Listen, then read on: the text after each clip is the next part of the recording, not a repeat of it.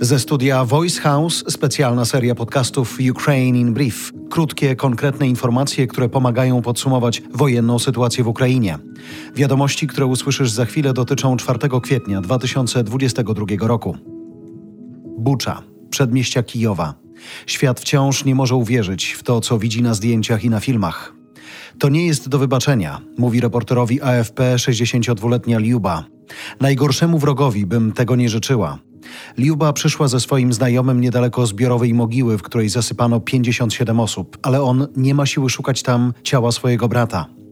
Jak pisze AFP, Bucza po wycofaniu się rosyjskich żołnierzy wygląda dosłownie jak cmentarz. Ciała są wszędzie.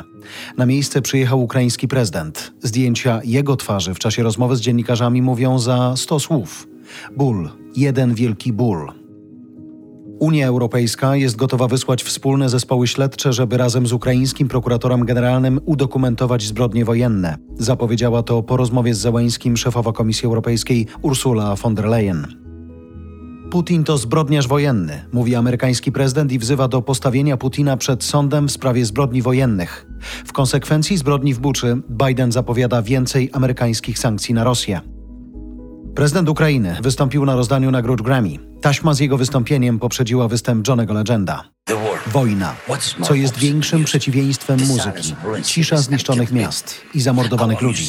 Nasi muzycy noszą kamizelki kuloodporne zamiast smokingów i grają koncerty, ale rannym w szpitalach. Od początku wojny na Ukrainie zginęło 18 dziennikarzy, a 13 zostało rannych. Osiem innych osób pracujących w mediach zostało porwanych przez Rosjan. To zestawienie ukraińskiego Ministerstwa Kultury dotyczy ukraińskich i zagranicznych dziennikarzy. Z Ukrainy uciekło dotąd 4 miliony 200 tysięcy ludzi. Do Polski przedostało się 2 miliony 400 tysięcy osób, blisko 700 tysięcy do Rumunii i Mołdawii, prawie 400 tysięcy na Węgry, a do Rosji 350 tysięcy, podaje oficjalnie ONZ.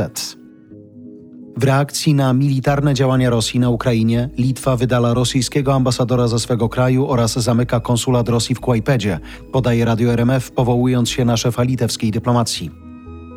Rosja ponownie ostrzega Finlandię i Szwecję przed przystąpieniem do NATO. Moskwa grozi poważnymi wojskowymi i politycznymi konsekwencjami, jeżeli oba kraje dołączą kiedyś do Sojuszu Północnoatlantyckiego.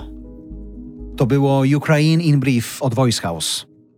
Kierownictwo produkcji Adrian Gronek-Liszka. Produkcja Dorota Żurkowska. Realizacja Kacper Majdan. Redakcja Agnieszka Szypielewicz i Olga Michałowska. Dźwięk Kamil Sołdacki. Czytał Jarosław Kuźniar.